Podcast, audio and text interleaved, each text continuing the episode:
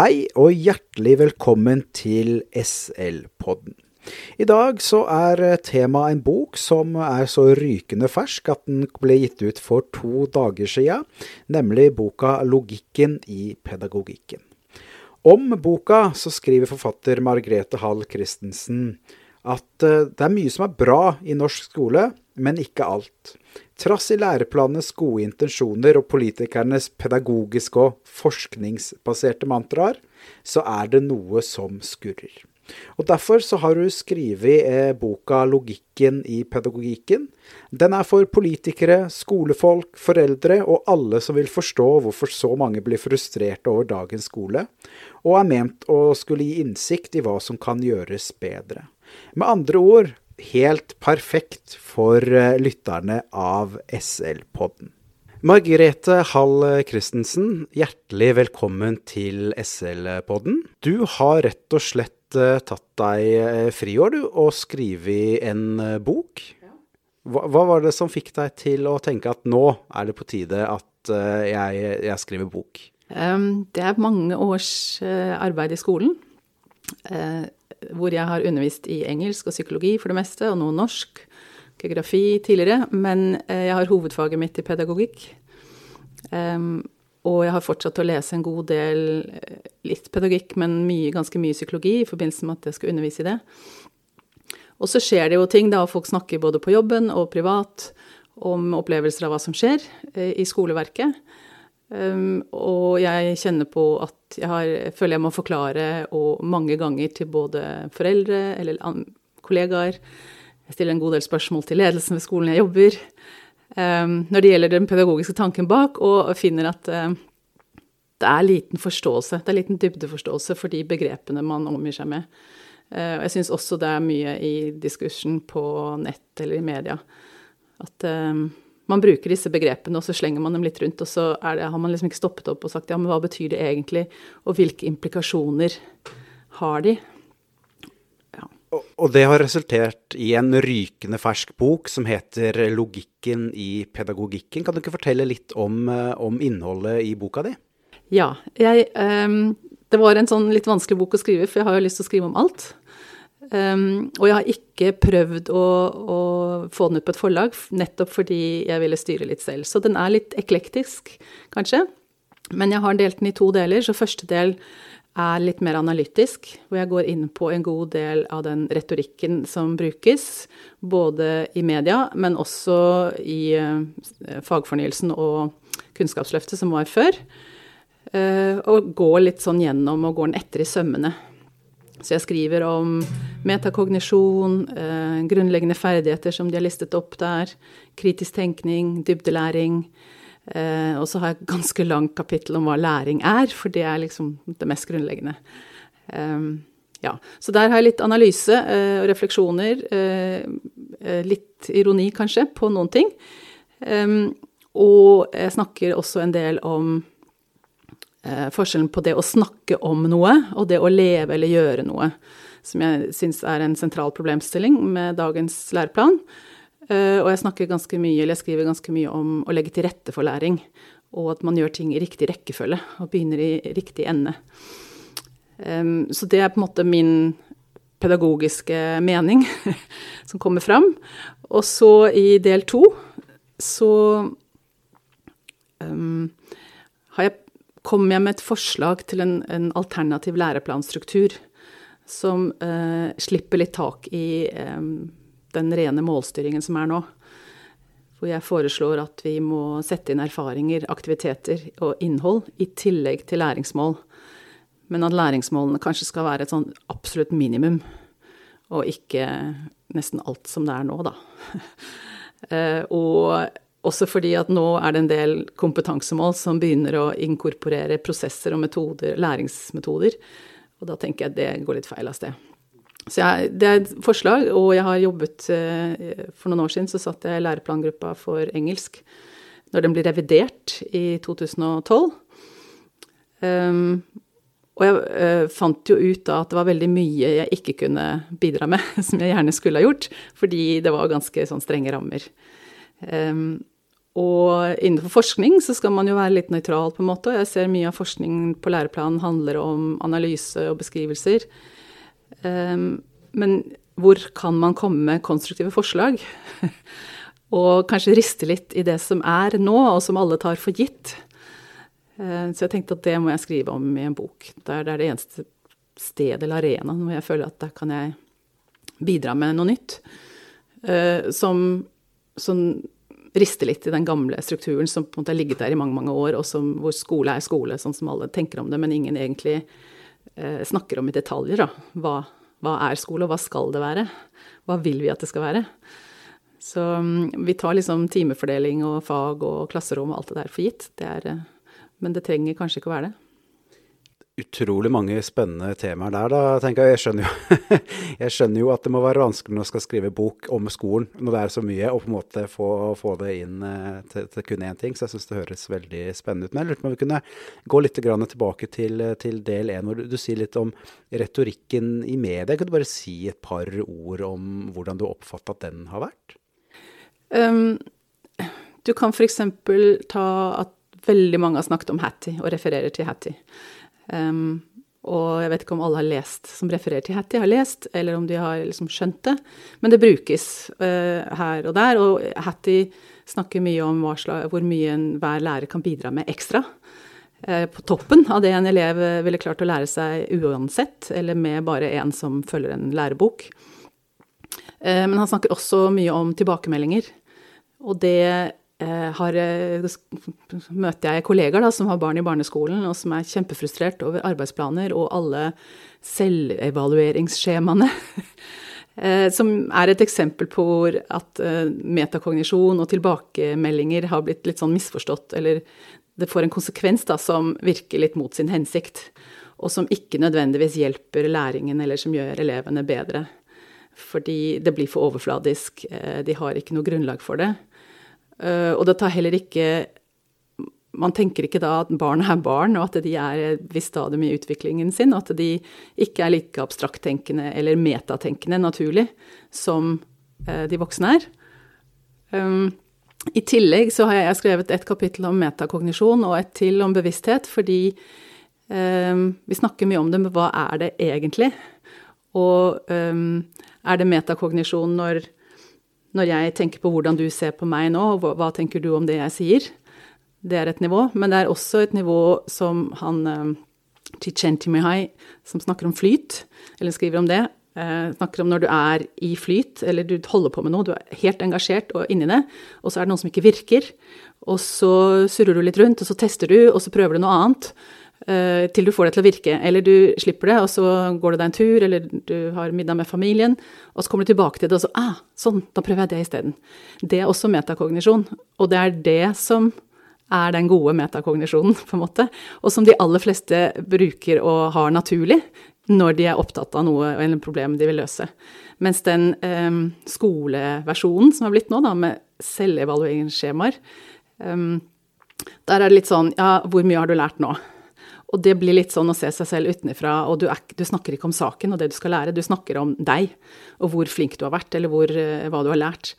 Og det tenker jeg blir litt sånn feil, og det, tar, det rykker eleven ut fra det materialet de skal lære, eh, og over i her og nå og eh, noen Jeg er på en måte en menneskeverden, og jeg er så flink, og sammenlignet med hun ved siden av, så så får jeg til så mye. Eller man bare slenger på noe. Ja, bra. Tenker, tenker, du at det kan være det motsatte òg? Altså jeg er så dårlig, jeg får ikke til noen Absolutt. ting? Absolutt. Det, det, er, det, det, blir fokus på en selv, og ikke på det man lærer. Og det tenker jeg det er, det er en vesensforskjell. For den metakognisjonen og tilbakemeldingene skal handle Det er en direkte dialog på en måte med det du holder på å lære. Om du holder på å spikke en kniv og som ikke får den formen du vil ha, eller om du holder på å skrive en bokstav som ikke blir sånn som du vil, så, så er det liksom den metakognisjonen handler mer om eh, ja, den, Så hvis læreren, når du skal skrive en bokstav som ikke blir helt sånn, så kan læreren komme og si, se at eleven er frustrert, og vi er de, og så kan man se sammen på bokstavene. Og så kanskje læreren kan uh, se hvis du holder blyanten sånn, og så, og så, jobber man sammen med det å skrive bokstaver. Da er fokus på det som skal læres. Og da funker det. men ikke de der skjemaene etterpå. Hvor mye har jeg lært i dag, liksom. Det, det, blir veldig overfladisk, og jeg tror det er veldig mye av det nå. Og elevene er luta lei og skriver omtrent bare hva som helst. Og spesielt gutter, tror jeg. De er, det er i hvert fall mine to gutter. Liksom, de skriver mer da bare for å gjøre læreren til laks, eller for å ha gjort ting. og så har det ikke noe effekt egentlig på læringen. Spørsmålet er jo om det er der for at elevene faktisk skal lære, eller om det på en måte bare blir en ny sånn sjekk i lærerens eh, arbeidsoppgaver ja. og dokumentasjons... Det føles litt som at det blir en ny sånn sjekk. Både på barneskolen, eh, ungdomsskolen kjenner jeg ikke så mye til, men i hvert fall der hvor jeg er på videregående òg, så blir det litt sånn eh, oppskrift at dette må du gjøre. For det er viktig, og det er metakognisjon, og elevene skal ha tilbakemeldinger og være med å vurdere sin egen læring. Um, men det blir veldig overfladisk og har ikke nødvendigvis en effekt. Mens um, hvis du har en dialog da, med en klasse uh, på videregående f.eks., og, og du snakker om noe, og en elev kommer med en ytring eller sier noe, og det ikke er helt korrekt, så må læreren direkte da i den samtalen korrigere det de sier. Eller er du sikker på det? Hvis du, hvis du ser på konsekvensen av det du sier, så blir det sånn, var det det du mente? Og da har man fortsatt fokus, oppmerksomheten på det man holder på å lære ikke på eleven, som skal ha vært flink eller ikke flink til å lære eller ha gjort en god innsats eller Ja. Og, og jeg tror at de minste barna, de, de, klarer ikke veldig godt å ha den, den andre metaevalueringa, altså hvordan, hvor flink er jeg? Eh, men som du sier, hvis de gjør det dårlig f.eks., eller de ikke har, føler de har lært eller fått til like mye som medelever, så sitter de igjen med en vond følelse. Og det er ikke det vi vil, for det eh, senker motivasjonen. Mm. Det, det, det hjelper. Mestring gir motivasjon, mens det å gjøre det dårlig eller føle at man har gjort det dårlig, det hjelper ikke. Så hvis den tilbakemeldingen får det resultatet, så virker det mot sin hensikt. En annen ting som har vært veldig i vinden de siste åra med forskjellige læreplaner, det er jo de grunnleggende ferdighetene. Det vet jeg også er noe du har skrevet en del om i, i boka di. Kan du, kan du, fortelle oss litt hva du tenker om det? Ja, jeg syns det på en måte blir litt eh, ironisk, nesten, eller komisk, når uh, man snakker om grunnleggende ferdigheter i forbindelse med læring. Man kan forsvare det og si at ok, det er skole, grunnleggende ferdigheter for skole. Men det som jeg syns er eh, det verste, da, er de digitale ferdighetene. At det skal være en av de grunnleggende ferdighetene, mens kroppen f.eks. ikke er det, eller bruk av kroppen. Ehm, du må kunne styre kroppen din, du må ha balanse, du må ha koordinasjon for å få til veldig mye. Eh, og for å få til annen læring. Men det er ikke inn, det er ikke med i læreplanen. Så det begynner liksom veldig på det akademiske og det anvendte. Så digitale ferdigheter tenker jeg det er det, det minst grunnleggende du kan tenke deg. Um, og grunnen til at jeg sier det, er jo at gamle, eldre mennesker i samfunnet har jo klart å lære seg veldig mye digitale bruk når de har vært godt, godt voksne. Um, og kan være like flinke og, og, ja. Så det er ikke noe grunnleggende. Det er ikke noe du må kunne som barn for å kunne mestre i et arbeidsliv. Men det virker sånn nå at man tror man må kunne bruke digitale verktøy når du er åtte år, for at du skal på en måte fungere med digitale verktøy når du er 25. Og sånn er det ikke, tenker jeg. Det er veldig, veldig spennende akkurat det der. For jeg tok over en, en, ungdomsskoleklasse som hadde akkurat vært ferdig med sju år med nettbrett, og så begynte vi med datamaskin. Og de, de, skjønte jo ingenting. De skjønte jo ikke opp ned på, på, på, på datamaskinen engang. Og da hadde de jo hatt sju år med trening i digitale ferdigheter, men, men det var ikke overførbart til, til, en, annen, til en, annen, digital enhet. Da.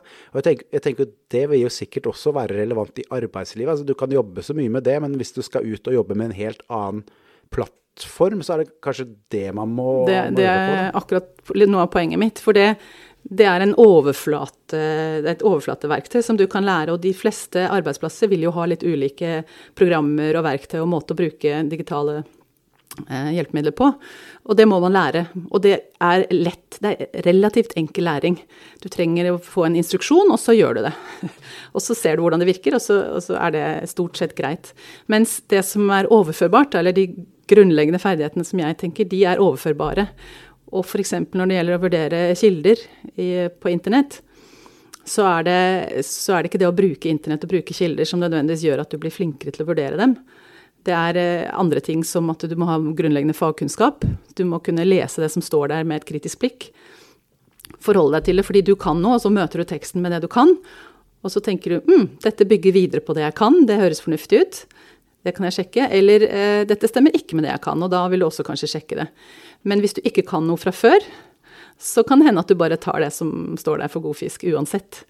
Så jeg tenker at eh, det å kunne uttrykke seg skriftlig og muntlig, det er mer grunnleggende, og det kan du bruke på digitale hjelpemidler. Du kan bruke det for hånd, du kan bruke det i møte med andre mennesker. Det er, liksom, det er generelt og mer, mer, grunnleggende og mer overførbart. Og jeg tror det er viktigere at vi satser på, spesielt i barne- og ungdomsskolen, at elevene lærer disse grunnleggende fagene og ferdighetene. Og så kan de bruke dem eh, de, eller i enklere verktøy og hjelpemidler. Dessuten så tenker jeg at digitale verktøy, det er verktøy, det er hjelpemidler, og det er ett av mange i læring. Men, det, men, nå er det liksom blitt en greie for seg selv, og da har det, da har det blitt litt skjevt. For det er eh, Det som er en greie for seg selv, kanskje vil være programmering. Og da trenger du matte og fysikk og språk, grammatikk, for å kunne programmere godt og skjønne det. Så er det andre kunnskaper du trenger, som du bruker i programmering. Tenke logisk. Eh, ja. Så, og det, det, kan skolen godt gjøre mer av. Eh, mens det å bare bruke digitale verktøy eller hjelpemidler, det er veldig enkelt. og ikke grunnleggende. Og det kan læres når som helst, egentlig. Undertittelen på boka di, Margrethe, det er et kritisk blikk på skolepolitikk. Og nå er vi jo litt inne på det digitale i, i, som skjer på skolen, men, men, kan du ikke fortelle oss litt? Altså, hvilken vei tenker du at skolen er på vei? Er, er vi på riktig vei med fagfornyelsen, eller hva? Jeg, noe av frustrasjonen min er jo litt sånn Altså, man viser til forskning, men så blir det litt sånn feil på veien, sånn som den metakognisjonen, f.eks. Men jeg føler også at mye av skolen er litt sånn å følge trender. Man tar dagen, eller det som er i dag, i samfunnet for gitt. Og så projiserer man det inn i fremtiden, og så tenker man dette kommer, så dette må vi lære, og dette må vi gjøre. Og så trer man det nedover hodet på barna, liksom. Um, jeg snakker for at jeg, eller jeg skulle ønske at vi kunne heller si hva slags samfunn ønsker vi oss? Hvor vil vi? Og så styre det dit. Og jeg tenker læreplan, det ligger i ordet, det er en slags er plandokument eh, følger litt sånn planstyring eh, innenfor økonomi. Men samtidig så føler jeg at det er markedskreftene som egentlig styrer år og år, fordi eh, man, man liksom, Ja, hva er det som er inn nå, hva er det forskerne snakker om, og så tar man det hotteste og, og, og setter inn der, og så blir læreplanen litt sånn klattete. Litt, litt sånn eh, ja, det ser ut som en uh, hullete bukse som er lappet på. som uh, Istedenfor at man sier 'hva ønsker vi', og hva må vi da gjøre for å nå det samfunnet, eller for å komme, ha det samfunnet og den skolehverdagen vi ønsker at barna skal ha. Så jeg føler at det er litt på hodet nå, og ja, blir ofte litt sånn pessimistisk. Det positive er jo at det er veldig mange lærere som, som vet og kan bedre. Eh, også en god del rektorer, eh, men de må ha skikkelig eh, ryggrad for å tørre på en måte å gjøre ting litt annerledes. Og det går an innenfor dagens læreplan. Men du må vite hva du gjør, og du må, som sagt, du må stå i det og tørre å, vite hvorfor du gjør det. Og det er det noen som gjør, men det er veldig mange som ikke gjør det, som er redd for å ikke følge planen. Og så kommer det litt sånn gærent ut. Og da, når jeg ser på det, så blir jeg litt frustrert og lei meg. Eh, og så har vi elever, mange elever som har eh, Altså, det øker med angst, det øker med depresjon. Um, nå er det siste nytt at um, elever i 5. og 7. klasse, begynner, da begynner motivasjonen å dabbe av. Så da vil man prøve å gjøre noe i ungdomsskolen. Mens jeg tenker at kanskje man skal gjøre noe i første til femte. Sånn at eh, de fortsatt har motivasjonen. For de aller fleste barn er jo motivert for å lære. Altså det ligger i programmet deres, utviklingsprogrammet. Så jeg tenker at skolen må i mye større grad møte dem der hvor de er, og bygge på det de har, og, det de ønsker å lære, enn å tre de voksnes problemstillinger ned på barna, som de gjør nå. Ja, for, for, for, hvis du går litt konkret, hva, hva, tenker du man burde gjort da i første til femte trinn? Uh, jeg har um, Jeg skriver en del om de tre tverrfaglige temaene, som nå er uh, lagt inn i overordnet del.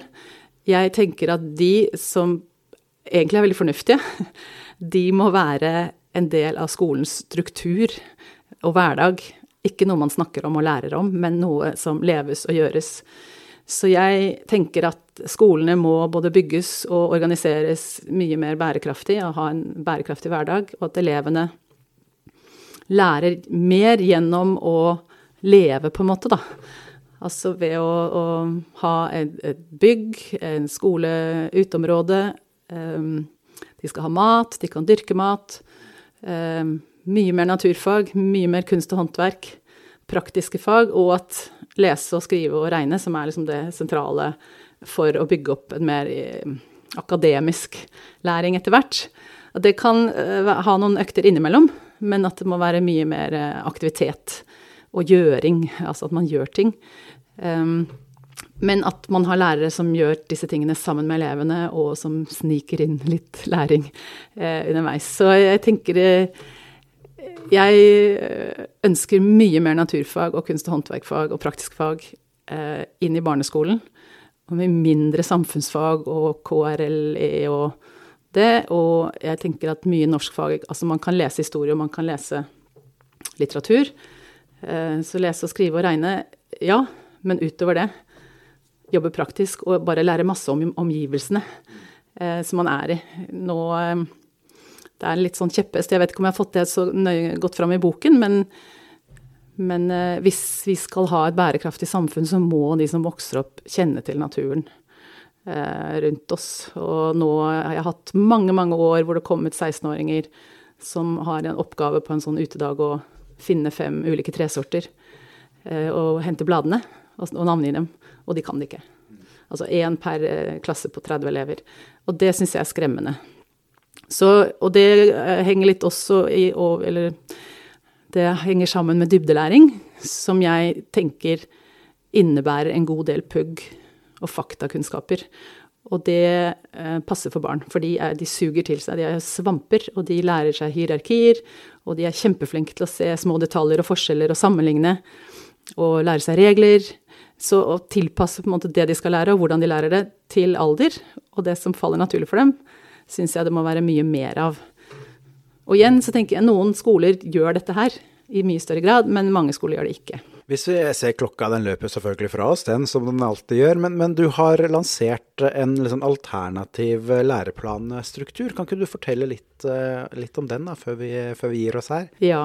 Nei, eh, den, Hvis man ser på den fagfornyelsen og Kunnskapsløftet som var før, så er jo de målstyrte læreplaner.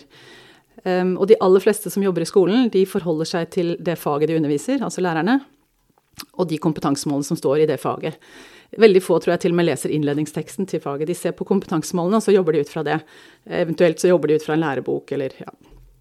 Uh, og det er mye som er bra i den overordnede delen, men det blir litt sånn stemoderlig behandlet. Det er veldig avhengig av rektor og hvordan man jobber på hver skole. Uh, så jeg foreslår at man istedenfor å bare ha kompetansemål, eller bare ha en målstyrt læreplan, uh, eller bare ha en innholdsstyrt læreplan, som vi hadde før, at vi kan ha en kombinasjon. Um, og jeg, jeg ser for meg fire overskrifter som uh, man kan fylle ut eller lage innhold i, eller under. Um, og det er at man kan sette opp en del erfaringer man vil at de uh, barna skal ha, eller få oppleve. Uh, en del aktiviteter som man vil at de skal gjøre. En del innhold som tar vare på kunnskaps- og kulturarven vår. Men alle disse tre skal ikke måles, tenker jeg. Og jeg tenker de skal få størst plass. Aktiviteter og erfaringer kan måles i tid, at man får avsatt tid. Så det er bare noe som skal skje innenfor den tidsrammen. Og så blir resultatet litt som det blir. um, men så, så, er jeg jo ikke motstander av at uh, Eller jeg tenker det er viktig at elever har et minimum av kunnskap, og at noe av det trenger de for å lære mer senere. Så noe læringsmål tenker jeg det må være, men at de skal være minimumsmål som du må kunne. Altså du må kunne de fire regneartene ikke sant, før du forlater barneskolen. Eh, du må kunne lese og skrive. Litt sånn helt grunnleggende ting som man bygger videre på i, eh, på neste trinn eller skoleslag. Um, mens når det gjelder innhold, så kan man gjøre mye, mye mer. Man kan f.eks. sette opp skuespillet Ibsen, som gjør at eh, Eller introdusere elevene til noe av det beste vi har i Norge, i litteratur men hvor det ikke skal testes i det, ikke skal måles. De kan godt ha prøver og sånn, men det skal være lokalt. Det skal ikke være en del av skolemonitoreringen, da. Eller noe av det som gjør om de kommer videre eller blir liksom målt som gode eller dårlige, eller Ja. Så mitt forslag er at istedenfor å bare ha mål, så skal, kan man ha noen læringsmål, eh, men at størstedelen av skolen handler om innhold og aktiviteter og erfaringer. Så et eksempel jeg kom med, f.eks. er at man kan sette opp at hver elev skal erfare vennskap. Og så blir det opp til skolen hvordan man sørger for det. Men, men, at det er en erfaring som er viktig å ha med seg i livet. Man kan sette opp en erfaring som at elever skal kunne badet i kaldt vann, eh, og kjent på det, som er viktig. Og det, I arbeidslivet så snakker man jo masse om arbeidserfaringer, og det er viktig. Og da man presiserer ikke liksom akkurat hva du kan og har lært, kanskje, men, men det at du har erfaringer, det anser vi som viktig i arbeidslivet. Og jeg som lærer i videregående jeg anser det som veldig viktig at elevene kommer og har en god del erfaringer når de begynner på videregående. For det, eh, det, er, er superviktig for videre læring, for å skjønne abstraksjon og generaliseringer og, og um, mer avanserte fagbegreper. Eh, hvis du ikke har grunnleggende erfaringer innenfor disse områdene, så, så, blir det bare ord, og det gir ikke noe mening, og det blir vanskelig. Så ja, så det er, de, det er forslaget mitt. Og eh, det er ikke noe eh, fasit, jeg har ikke gått veldig mye detaljer, men hovedønsket mitt med boka er jo å skape debatt. Og prøve å riste litt i sånn som vi har tenkt om skolen i mange år. At vi kan eh, gi noen nye ideer til at folk kan snakke sammen og diskutere med kanskje noen andre premisser enn det vi gjør i dag. Og Det er jo kanskje litt viktig å få fram at du, du, har ikke skrevet denne boka primært for lærere, men den er på en måte for alle som er eh, interessert, eller alle ja, som har, har, noen tanker om, eh, om skolen. Ja, jeg, for jeg tenker at det er jo eh, til syvende og sist så er det politikerne som vedtar læreplaner. Det er de som gir oppdrag til Utdanningsdirektoratet og Kunnskapsdepartementet. Så det er en velgere må må kanskje kunne påvirke, da. Og diskursen i media. At man, eh, at man kan slippe litt tak i noen av de tingene vi har nå. At det, går kanskje an å gjøre det på andre måter. Kan vi diskutere det mer? Eh, og at noen av de tingene vi allerede snakker mye om, at det, eh, man har en litt dypere forståelse for hva det egentlig er. Og når det blir feil, og når det blir riktig. Tusen hjertelig takk for at uh, du ville være med i SL-podden. I like måte. Så blir det spennende å se. Da kom boka for to dager siden, så da blir det spennende å se om, det, om den skaper eh, debatt. Vi legger ved en lenke, vi. Så hvis dere, hvis dere ser under uh, Ja, det kommer litt an på hvilken plattform dere bruker, men vi skal legge med en lenke så dere kan finne boka. Yes, da sier jeg nok en gang tusen hjertelig takk, og så høres vi om ikke så altfor lenge.